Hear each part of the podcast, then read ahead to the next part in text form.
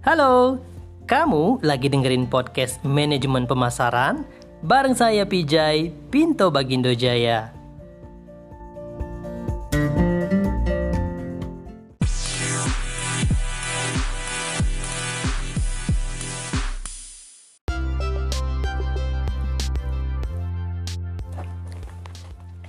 Halo, assalamualaikum. Selamat datang lagi teman-teman di podcast kita yang membahas tentang manajemen pemasaran. Kali ini kita sudah masuk ke bab 2 nih ya. Apa saja yang akan kita bahas kali ini? Yaitu lingkungan pemasaran, etika pemasaran, dan juga tanggung jawab sosial perusahaan yang akan dibahas secara tuntas. Oke, jadi selamat datang kembali dan silahkan menyimak podcast ini dari awal sampai selesai.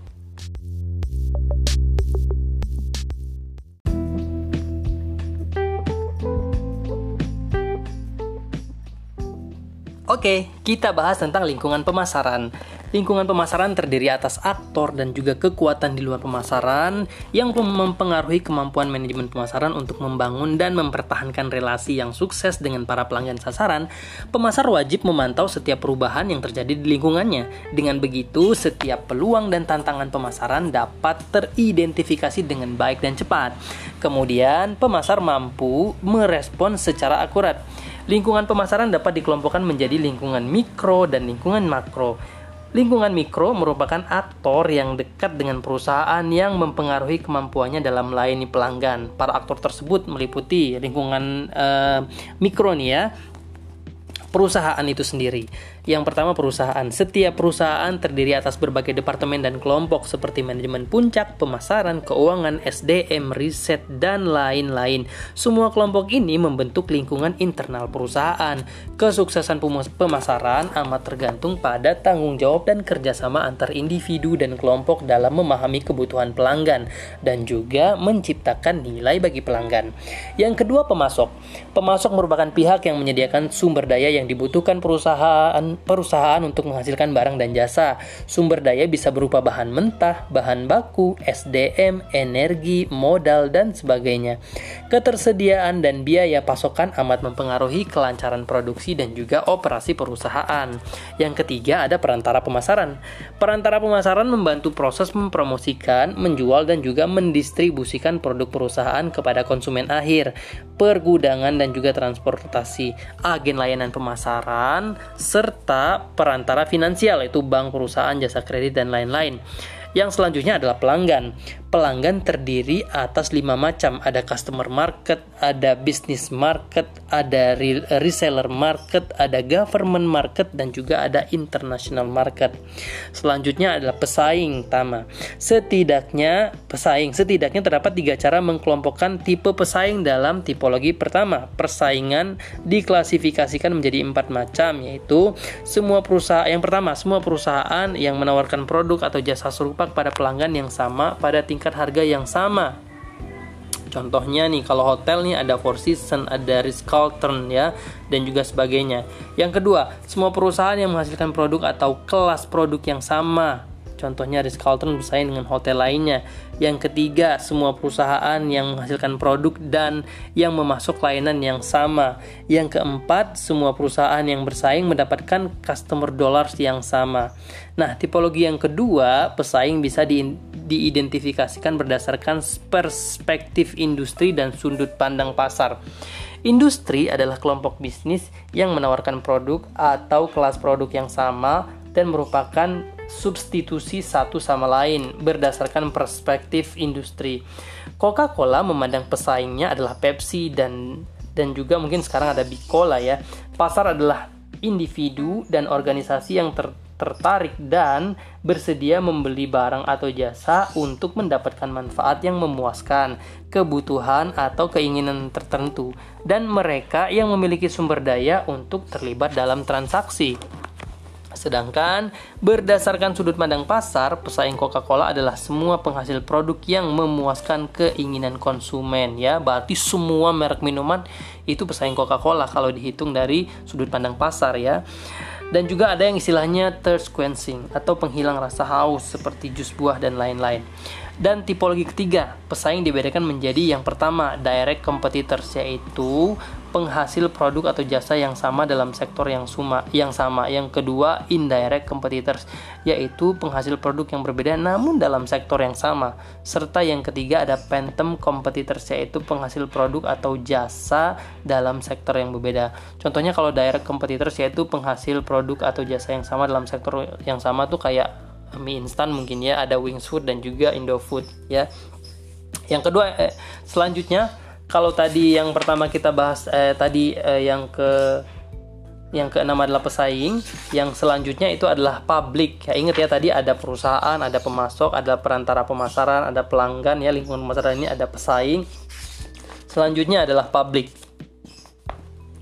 Yang dimaksud dengan publik adalah setiap kelompok yang memiliki kepentingan aktual atau potensial maupun berdampak signifikan terhadap kemampuan perusahaan dalam analisis investasi dan juga pengembangan saham. Ya, publik terdiri dari tujuh macam yaitu financial public, media public, kemudian ada government public, ada juga citizen uh, action, kemudian ada local public, kemudian ada general public dan yang ketujuh adalah internal public.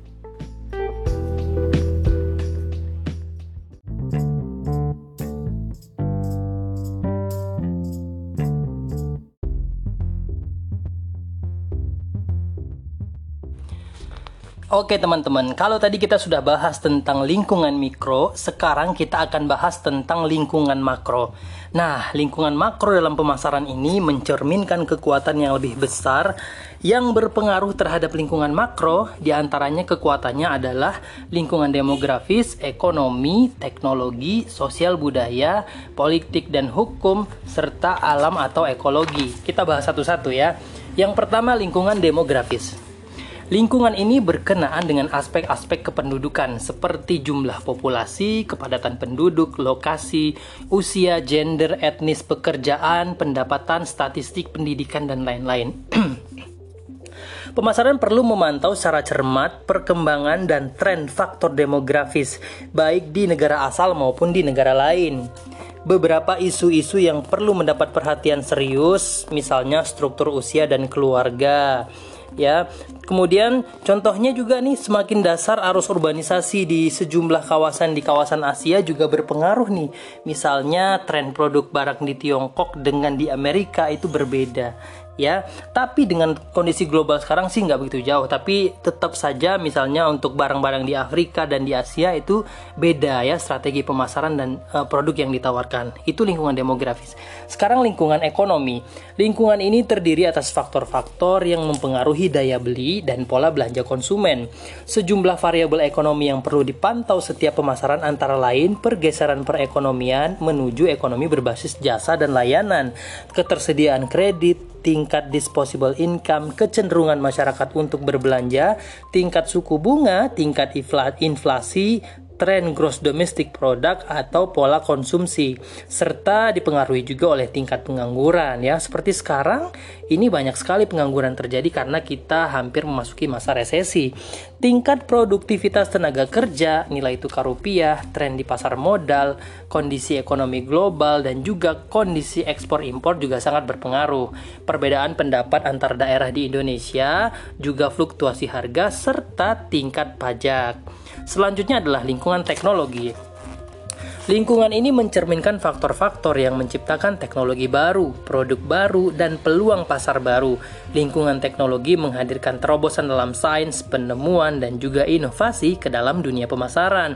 Teknologi mengarah pada terciptanya produk dan jasa baru bagi konsumen, menyempurnakan produk yang sudah ada, menawarkan layanan pelanggan yang lebih baik, serta menawarkan harga yang lebih murah melalui metode produksi dan distribusi yang lebih baru dan yang lebih efisien. Nah, teman-teman, kalau bicara lingkungan teknologi, ini kita merasakan sendiri ya bagaimana perubahan teknologi itu berpengaruh terhadap penjualan produk. Kita lihat saja misalnya Nokia dan BlackBerry yang mana sekarang mereka ditinggalkan oleh konsumen karena konsumen beralih kepada teknologi yang lebih uh, diminati seperti saat ini.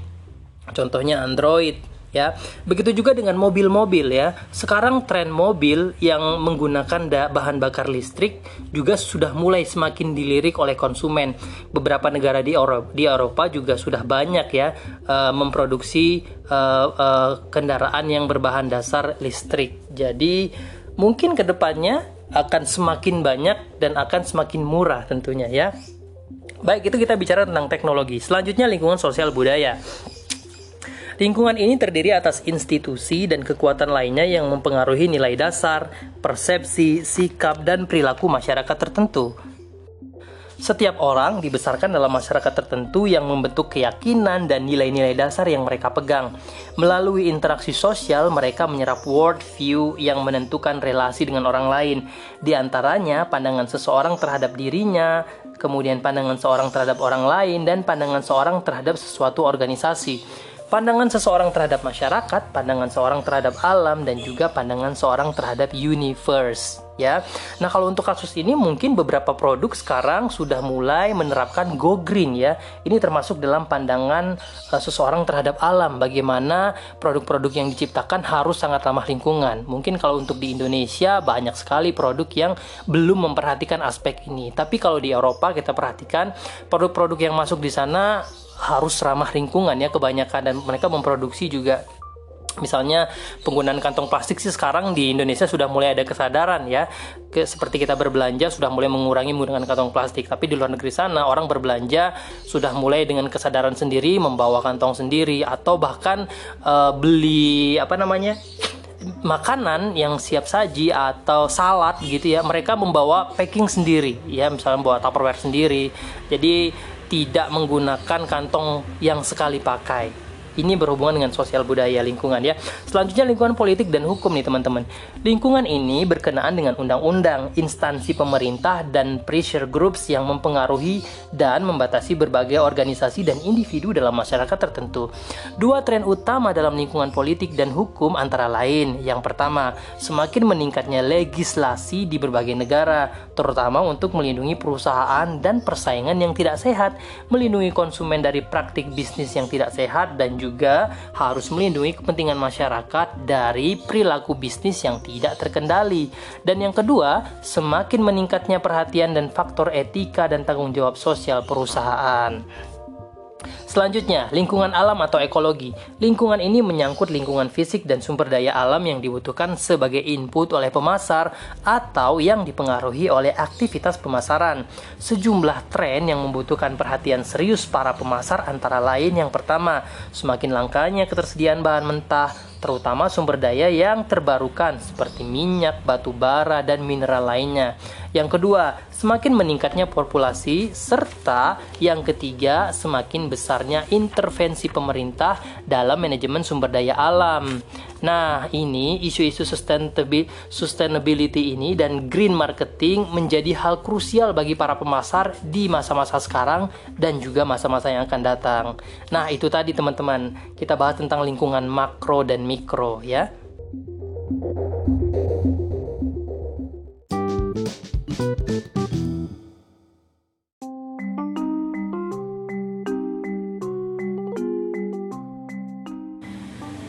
lagi kita di podcast kita tentang manajemen pemasaran yang bab sekarang membahas tentang lingkungan, etika, dan tanggung jawab sosial perusahaan. Oke guys, sekarang kita bahas tentang isu-isu etika pemasaran. Inti dari konsep pemasaran adalah keseimbangan antara laba perusahaan, keinginan konsumen, dan juga kesejahteraan masyarakat. Konsep ini mensyaratkan setiap perusahaan mempertimbangkan secara cermat kepentingan semua stakeholder tersebut dalam proses pembuatan keputusan. Keputusan yang dibuat bukan hanya mengutamakan aspek legal doang nih, tetapi juga faktor etika. Tapi sayangnya dalam prakteknya sering banget kita jumpai praktek pemasaran yang tidak etis, baik yang dilakukan oleh pemasar maupun yang diperbuat oleh konsumen itu sendiri.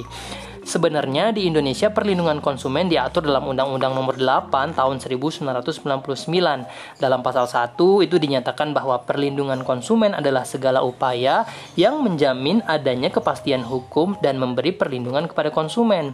Undang-Undang Nomor 8 Tahun 99 juga mendefinisikan konsumen sebagai setiap orang pemakai barang atau jasa yang tersedia di dalam masyarakat baik bagi kepentingan diri sendiri, keluarga, orang lain ataupun makhluk hidup lain lain dan tidak untuk diperdagangkan. Sedangkan pelaku usaha dirumuskan sebagai setiap orang, perseorang, atau badan usaha, baik yang berbentuk badan hukum maupun bu eh, bukan badan hukum yang didirikan dan berkedudukan atau melakukan kegiatan dalam wilayah hukum Negara Kesatuan Republik Indonesia, baik sendiri maupun bersama-sama melalui perjanjian penyelenggaraan kegiatan usaha dalam berbagai bidang ekonomi. Pasal keduanya di menegaskan bahwa perlindungan konsumen di Indonesia berdasarkan manfaat, keadilan, keseimbangan, keamanan dan keselamatan konsumen serta kepastian hukum. Kelima asas tersebut dipandang relevan dalam pembangunan nasional. Yang pertama, asas manfaat dimaksud dimaksudkan untuk mengaman, mengamanatkan bahwa segala upaya dalam penyelenggaraan perlindungan konsumen harus memberikan manfaat sebesar-besarnya bagi kepentingan konsumen dan pelaku usaha secara keseluruhan. Yang kedua, asas keadilan dimaksudkan agar, partisipasi seluruh rakyat dapat diwujudkan secara maksimal dan memberikan kesempatan kepada konsumen dan pelaku usaha untuk memperoleh haknya dan melaksanakan kewajiban secara adil.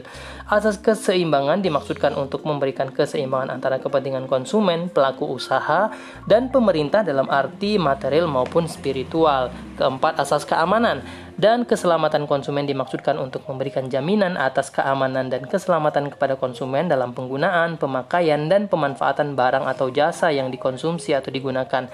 Dan yang terakhir yang kelima, asas kepastian hukum dimaksudkan agar baik pelaku usaha maupun konsumen mentaati hukum dan memperoleh keadilan dalam penyelenggaraan perlindungan konsumen serta men, eh, negara menjamin kepastian hukum.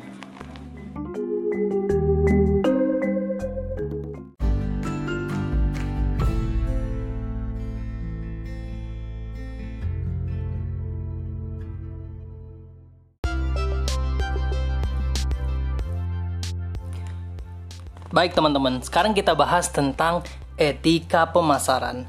Nah, menurut Kotler dan Armstrong, pemasaran telah lama dikritik dan dinilai memberikan dampak negatif bagi konsumen individual.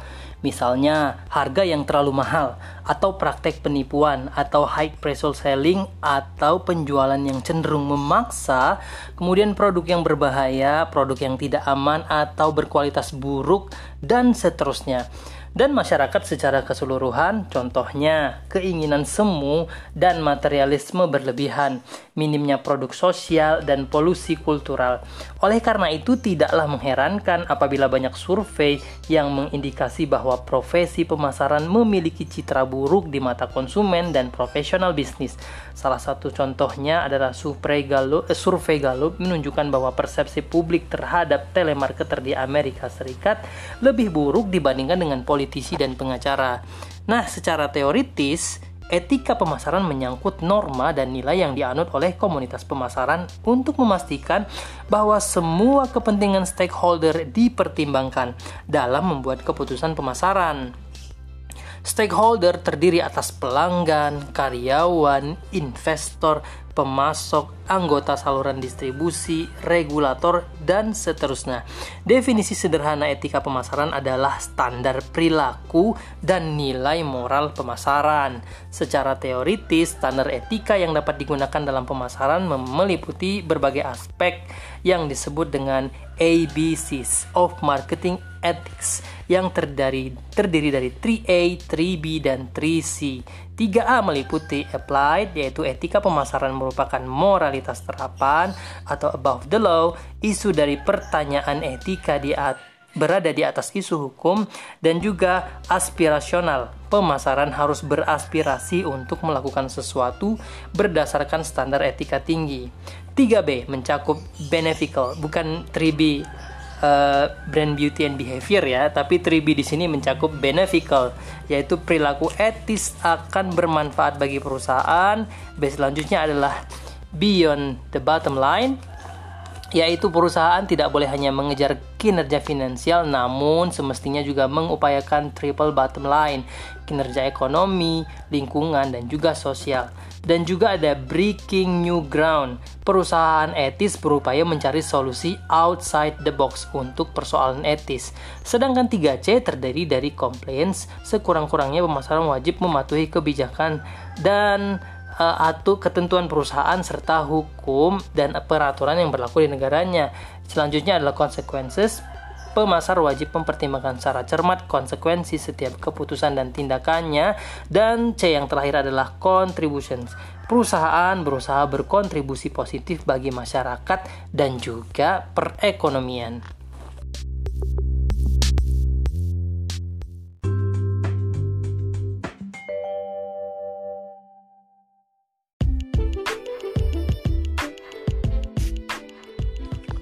Oke, kita lanjut ya. American Marketing Association atau AMA misalnya menekankan tiga nomor etis. Yang pertama, pemasaran tidak boleh melakukan sesuatu yang berbahaya atau membahayakan pihak lain. Maknanya, pemasar harus secara sadar menghindari segala tindakan atau kelalaian yang berbahaya dengan cara mewujudkan standar etika tinggi dan mematuhi semua hukum dan peraturan yang berlaku dalam pilihan-pilihan yang dilakukannya. Yang kedua, pemasar wajib menumbuhkan rasa percaya atau trust dalam setiap sistem pemasaran. Artinya, pemasar berusaha keras berbisnis dengan dilandasi itikat yang baik dan juga keadilan sehingga dapat berkontribusi pada tercapainya proses pertukaran yang saling menguntungkan serta terhindar dari penipuan dalam desain produk, penerapan harga, komunikasi dan juga pendistribusian produk.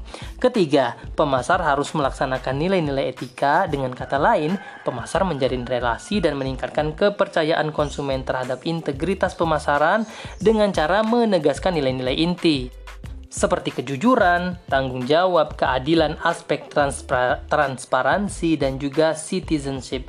Ketiga norma etis yang dirancang dan diberlakukan oleh AMA ini paling banyak diikuti dan dijadikan acuan di seluruh dunia. Baik, ironisnya praktik pemasaran kerap kali jauh dari standar moral ideal. Bukti konkretnya dapat dijumpai dalam komplain pelanggan di surat-surat pembaca media massa. Sebagai ilustrasi nih, Ciptono dan juga Dewi meneliti komplain pelanggan di kolom redaksi yang terhormat di Kompas sepanjang tahun 2012. Hasilnya sekitar 72,85% dari total 1282 surat merupakan surat komplain pembaca secara garis besar. Komplain terhadap eh, produk fisik atau barang berjumlah 13% dan jasa sebanyak 86%. Wow. Aspek spesifik yang dikeluhkan konsumen dapat dikelompokkan menjadi tujuh kategori sesuai urutan terbanyak, yaitu yang pertama yang paling banyak dikomplain adalah produk, people, price, eh, kemudian prosedur, proses, performance, dan juga promotion. Setiap surat komplain bisa berisi lebih dari satu aspek produk, di antaranya susu sudah basi sebelum tanggal kadaluarsa, makanan tak layak konsumsi di diskon, kemudian minyak goreng yang keruh dan berbau tidak sedap, lensa kontak yang berlubang, dan juga membuat sakit serta layar LCD laptop yang selalu rusak. Itu contoh-contoh komplain ya. Ini penelitian dilakukan sekitar 8 tahun yang lalu. Mungkin kalau sekarang kita bisa lihat orang-orang ketika komplain itu bisa di sosial media langsung ya tanpa harus ke surat. Cuman kita bisa melihat sejauh mana uh, kadar komplain yang konsumen lakukan. Cuman kalau sekarang sepertinya rada berbahaya ya kalau kita melakukan sedikit kesalahan dengan produk kita, kemudian dijual dengan misalnya tidak layak, wah itu akan betul-betul mendapat respon yang sangat cepat dari konsumen atau netizen ya sekarang ya. Nah, teman-teman, sementara itu instansi pemerintah menduduki peringkat teratas sebagai rekor yang paling banyak dikomplain, diikuti perbankan, telekomunikasi, dan juga maskapai penerbangan. Bila ditelusuri lebih dalam, ke 10 industri dalam 10 sektor yang paling banyak dikomplain adalah sektor jasa ya ternyata. Ini dikarenakan karena karakteristik jasa tuh yang unik. Yang pertama intangible ya nggak bisa dihitung, kemudian inseparability, kemudian heterogeneity dan juga traceability. Berkontribusi pada kecenderungan kualitas jasa lebih subjektif dan sukar dievaluasi dibandingkan dengan barang. Konsekuensinya ya komplain lebih mudah terjadi pada barang jasa, terlebih-lebih yang sifatnya high context seperti perbankan maskapai penerbangan dan layanan layanan publik. Iya, memang betul sih ya. Kalau kita buka di Traveloka, kita tinggal lihat nih rating yang diberikan oleh konsumen itu berapa terhadap hotel A misalnya ketika kita pengen menginap. Nah, di situ akan terlihat secara langsung ya karena perusahaan nggak bisa menutup-nutupi ya. Traveloka kan hanya jasa misalnya dalam menyediakan uh, apa memasarkan produknya. Tapi kalau pelayanannya bagus nah itu akan mendapatkan nilai yang bagus dari konsumen. Tapi kalau misalnya ratingnya jelek nah ini juga bisa berpengaruh terhadap penjualan jasa tersebut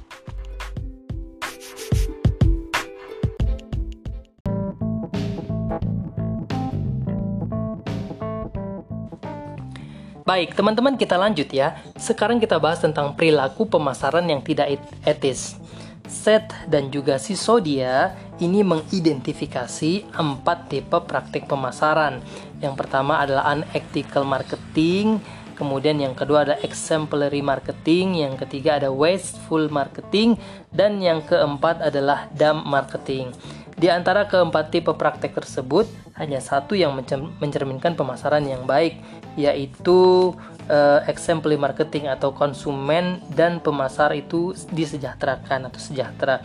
Manakala pemasar dan pelanggan sama-sama mendapatkan manfaat. Sayangnya, pengamatan yang dilakukan Seth and Sisodia itu menyimpulkan bahwa exemplary marketing justru lebih merupakan pengecualian ketimbang norma umum. Apa yang kita jumpai sehari-hari adalah tiga praktek pemasaran lainnya. Contoh, unethical marketing merupakan praktek di mana pasar, pemasar berusaha mengelabui, mengakali, menyesatkan atau memanfaatkan para pelanggan secara tidak adil ataupun secara sadar terlibat dalam aktivitas-aktivitas yang berdampak buruk atau membahayakan masyarakat. Dengan kata lain, pemasar hanya bermaksud meraup manfaat atau keuntungan besar dengan mengorbankan pelanggan. Perilaku tidak etis dapat dijumpai pada semua level bauran pemasaran, baik itu produk, harga, distribusi, dan promosi. Contohnya ya, untuk keamanan, tipenya, contoh produk anak mainan anak-anak terbuat dari bahan yang berbahaya, ya ini nggak etis ya.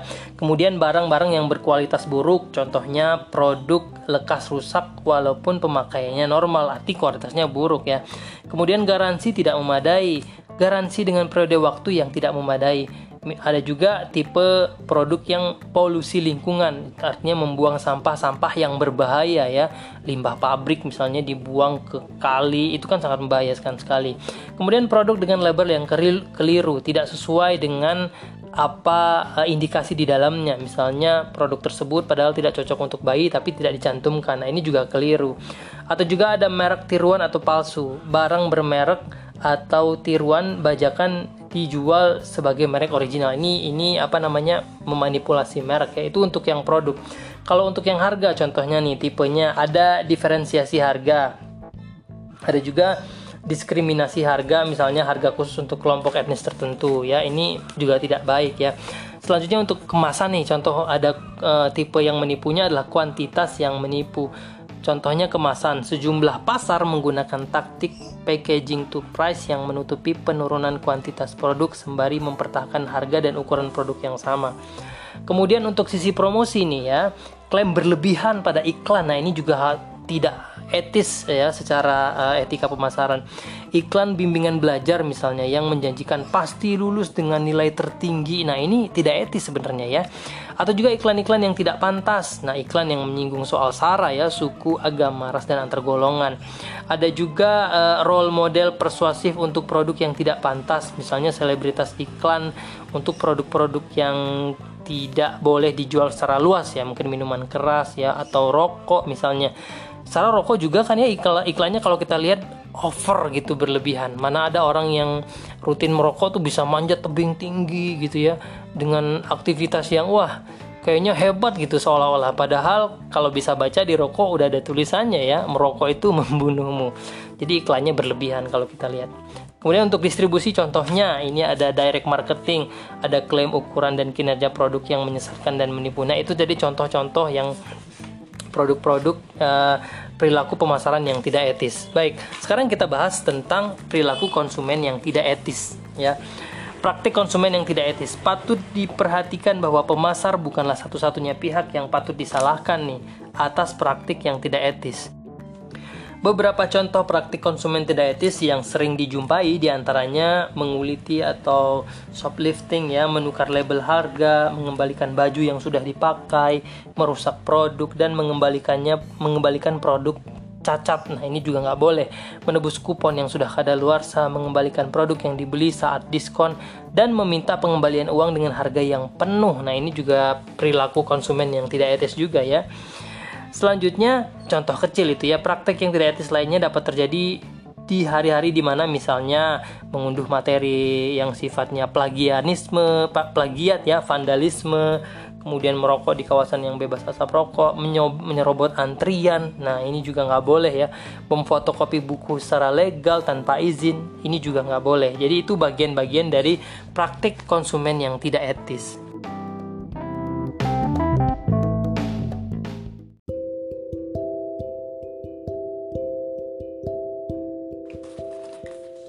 Oke, sekarang kita bahas tentang tanggung jawab sosial perusahaan atau lebih dikenal dengan CSR.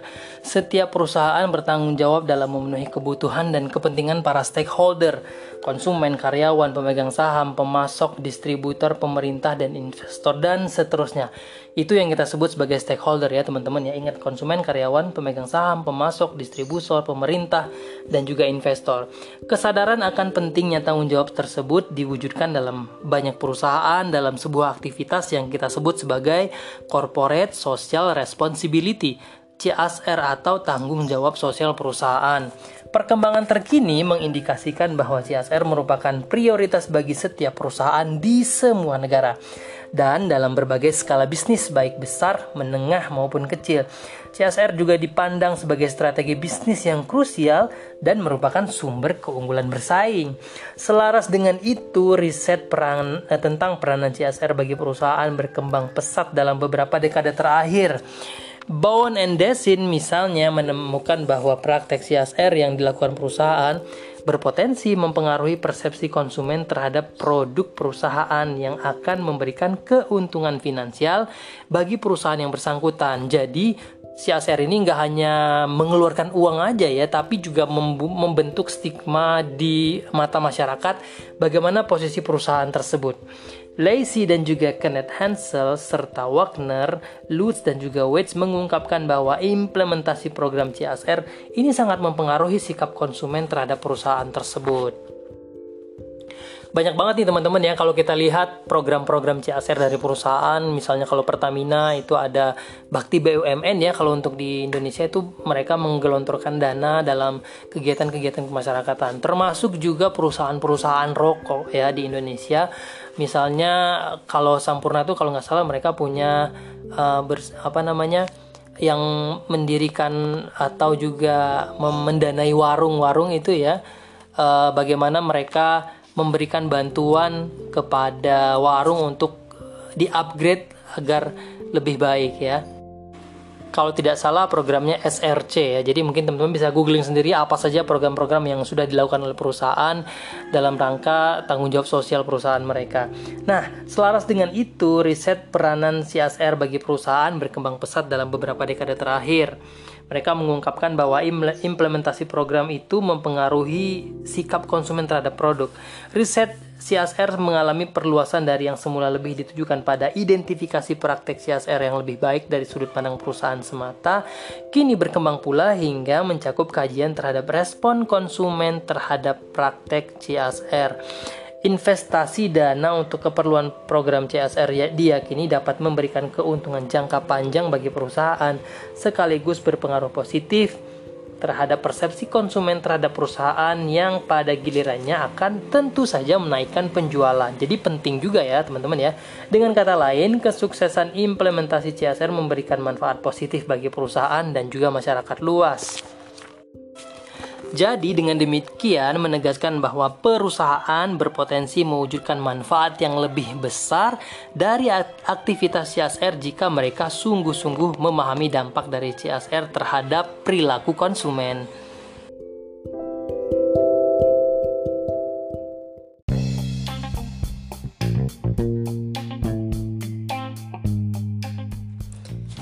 Baik teman-teman masih bareng-bareng ya. Kita bahas tentang lingkungan etika dan tanggung jawab sosial perusahaan. Kita masuk ke bagian konsep Corporate Social Responsibility atau CSR Hingga saat ini belum ada kesepakatan universal mengenai definisi CSR itu sendiri ya. Um, misalnya mereka mendefinisikan CSR sebagai tanggung jawab yang diemban setiap perusahaan untuk mengurangi atau menghilangkan berbagai dampak buruk dan memaksimalkan dampak yang memberikan keuntungan, keuntungan jangka panjang bagi masyarakat. Kemudian the World Business Council for Sustainable Development merumuskan CSR sebagai komitmen perusahaan secara terus-menerus untuk bertindak secara etis dan juga berkontribusi bagi pengembangan ekonomi yang meningkatkan kualitas hidup karyawan dan juga keluarganya, sekaligus juga meningkatkan kualitas komunitas lokal dan juga masyarakat secara luas. Sementara itu, Kanada Industri mengemukakan definisi CSR secara rinci adalah meliputi berbagai program yang mencakup tata kelola perusahaan dan juga program-program etika, kesehatan, keamanan dan juga keselamatan dan program lingkungan, kepedulian terhadap masyarakat dan juga hak-hak karyawan, kebijakan manajemen terhadap sumber daya manusia, keterlibatan dalam komunitas, respect terhadap kelompok pribumi dan juga minoritas, kontribusi sukarela karyawan dan perusahaan bagi masyarakat, praktek kompetisi yang fair, anti suap, anti korupsi, kinerja, kinerja bisnis yang akuntabel dan juga transparan, serta relasi yang harmonis dengan pemasok. Kendati belum ada definisi tunggal, pada hakikatnya bisa ditarik benang merah bahwa CSR merupakan kontribusi setiap perusahaan bagi seluruh pemangku kepentingan dan juga lingkungan perusahaan. Sementara itu, dalam buku Corporate Social Responsibility yang dikarang oleh Kotler dan juga Lee, mengidentifikasi enam bentuk implementasi CSR yang pertama, yang namanya cost promotion, yakni menggalang dana, berpartisipasi atau merekrut relawan guna meningkatkan kesadaran dan juga perhatian pada social cost tertentu sehingga contoh yang dilakukan The Body Shop dalam kampanye larangan menggunakan hewan untuk pengujian kosmetik. Kemudian yang kedua, ada cost related marketing, yaitu perusahaan berkomitmen mendonasikan presentasi tertentu dari penjualan produknya untuk keperluan sosial cost tertentu. Contohnya, 73% hasil penjualan dari Crusade uh, Candle Avon itu disumbangkan untuk kegiatan penanganan kanker payudara. Yang ketiga, ada corporate social marketing, yakni mendukung pengembangan dana atau pengimplementasian kampanye perubahan sosial yang ditujukan untuk perbaikan kesehatan, keamanan, lingkungan, atau kesejahteraan masyarakat. Contohnya nih, kampanye Pampers yang bermitra dengan SIDS Foundation yang mana mereka e, mengkampanyekan pentingnya bayi tidur tertelentang agar terhindar dari SIDS yaitu sudden infant death syndrome. Yang keempat ada namanya corporate philanthropy yaitu memberikan donasi, hibah dana atau bantuan lainnya kepada kegiatan amal atau social cause tertentu. Salah satu contohnya adalah program beasiswa Jarum. Yang kelima, community volunteering, yaitu mendukung dan mendukung, mendorong para karyawan atau mitra bisnis untuk merelakan sebagian waktu mereka untuk membantu organisasi dan aktivitas sosial masyarakat lokal, misalnya membersihkan sampah di sekitar perusahaan dan tempat tinggal karyawan, meluangkan waktu untuk melayani para manula di panti jompo, dan lain-lain. Yang terakhir yang keenam ada socially responsible business practice, yakni menerapkan praktis bisnis discretionary bukan karena tekanan hukum, peraturan standar moral ataupun etika yang mendukung social cost guna meningkatkan kesejahteraan masyarakat, melindungi lingkungan. Contohnya, Kraft memutuskan secara sukarela untuk tidak melakukan pemasaran di sekolah-sekolah.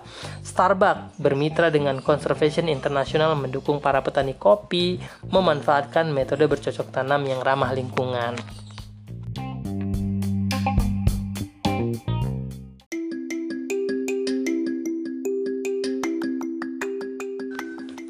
Kita lanjut lagi. Sekilas perkembangan CSR. Nah, teman-teman, menurut Carroll, konsep awal CSR modern bisa ditelusuri dari buku yang berjudul Social Social Responsibility of the Businessman karya Bowen yang terbit tahun 1950-an. Dalam buku tersebut, Bowen menjabarkan konsep CSR yang berkaitan dengan kewajiban bisnismen untuk membuat keputusan atau mengambil tindakan yang sesuai dengan tujuan dan nilai yang diharapkan oleh masyarakat. Sekalipun terkesan ada bias gender, hanya menyebutkan businessman dan juga mengabaikan businesswoman, konsep CSR versi Bowen dipandang sebagai tongkat tonggak awal CSR modern. Dalam perkembangan selanjutnya, Davis mengemukakan bahwa CSR merupakan keputusan dan tindakan yang diambil oleh pelaku bisnis melebihi kepentingan ekonomi. Perusahaan dituntut untuk bertindak selayaknya warga negara yang baik. Steiner mengelompokkan CSR dalam tiga elemen terkait yaitu konseptual, internal dan juga eksternal, serta pengaruh pada keuntungan perusahaan. Sementara itu Carroll menguraikan komponen CSR menjadi empat kategori yaitu tanggung jawab ekonomi yang mana memproduksi barang dan memperoleh keuntungan, hukum, pemenuhan tanggung jawab ekonomi berdasarkan sistem hukum yang berlaku, etika, melakukan tindakan yang benar, adil dan pantas dan yang keempat adalah filantropis yaitu berkontribusi kepada masyarakat, memperbaiki kualitas hidup dan juga menjadi warga negara yang baik. Nah, pada dekade 80-an, kemunculan dan perkembangan pesat perusahaan multinasional seperti Unilever, Danone, kemudian Kraft itu berdampak pada kehadiran konsep baru CSR yang disebut dengan corporate citizenship. Intinya, perusahaan multinasional harus mampu menjadi warga negara yang baik di setiap negara yang dimasukinya, dikarenakan perbedaan lingkungan sosial, budaya, hukum, ekonomi, dan juga politik. Sementara itu, perkembangan terkini mengarah pada konsep pembangunan berkesinambungan yang berusaha memenuhi kebutuhan manusia saat ini tanpa harus mengorbankan kemampuan generasi yang akan datang dalam memenuhi kebutuhan dan keinginan mereka. Nah, menurut Elkington dan juga Rollins, perkembangan berkesinambungan membutuhkan triple bottom line sebagai pilar utamanya yaitu keadilan sosial, kesejahteraan ekonomi, dan juga kualitas lingkungan.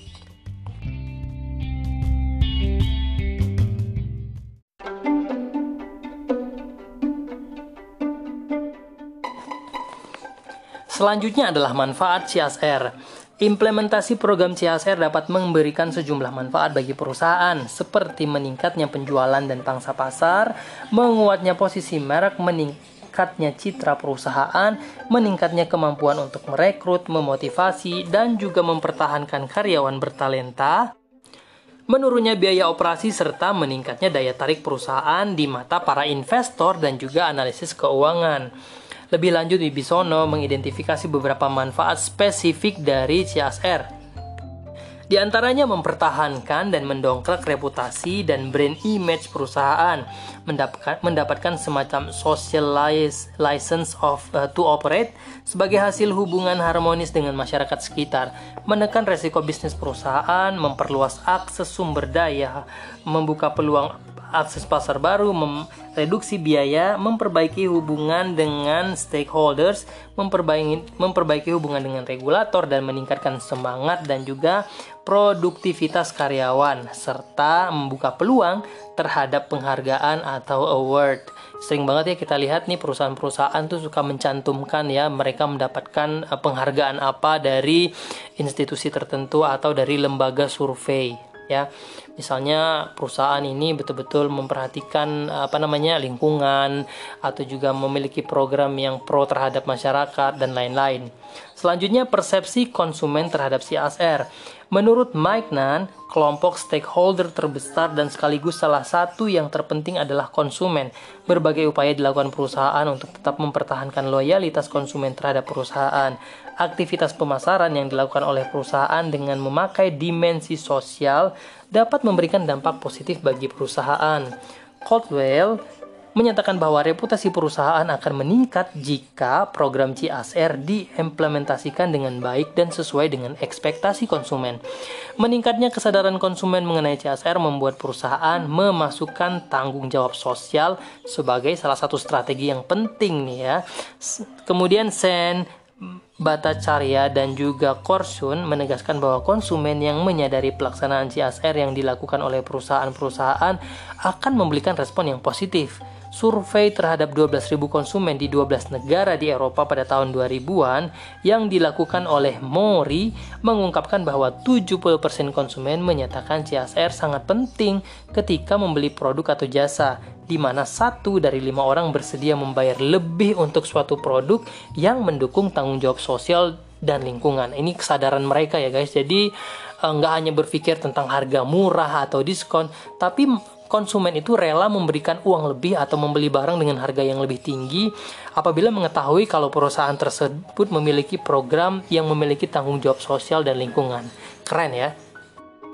Baik, selanjutnya sejumlah riset menyimpulkan bahwa konsumen memberikan respon positif terhadap CSR. Studi yang dilakukan oleh Kreyer dan juga Ross mendapati bahwa konsumen rela membayar harga yang lebih tinggi dan lebih mahal untuk produk perusahaan yang peduli dengan sosial dan lingkungan, serta menghindari perusahaan-perusahaan yang dinilai buruk kepedulian sosialnya pantas meskipun menawarkan harga produk yang murah.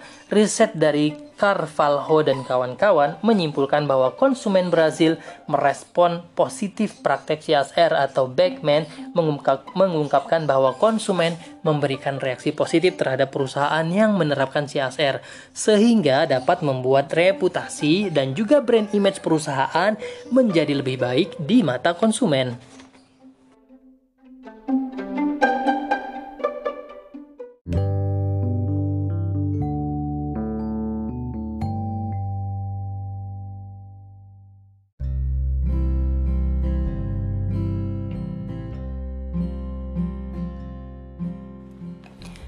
Oke teman-teman, itu dia bahasan kita pada pertemuan podcast yang kedua ini yang membahas tentang lingkungan pemasaran, etika pemasaran, dan juga tanggung jawab sosial pemeras pemasaran.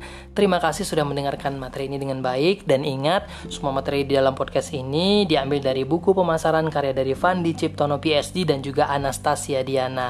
Baik teman-teman, terima kasih banyak sudah mendengarkan podcast ini. Kita ketemu lagi di podcast selanjutnya. Oke, bye.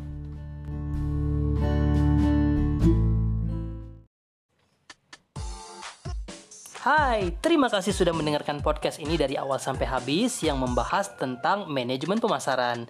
Kita akan ketemu lagi dengan podcast selanjutnya dengan bahasan yang berbeda. Dengerin terus ya. Bye.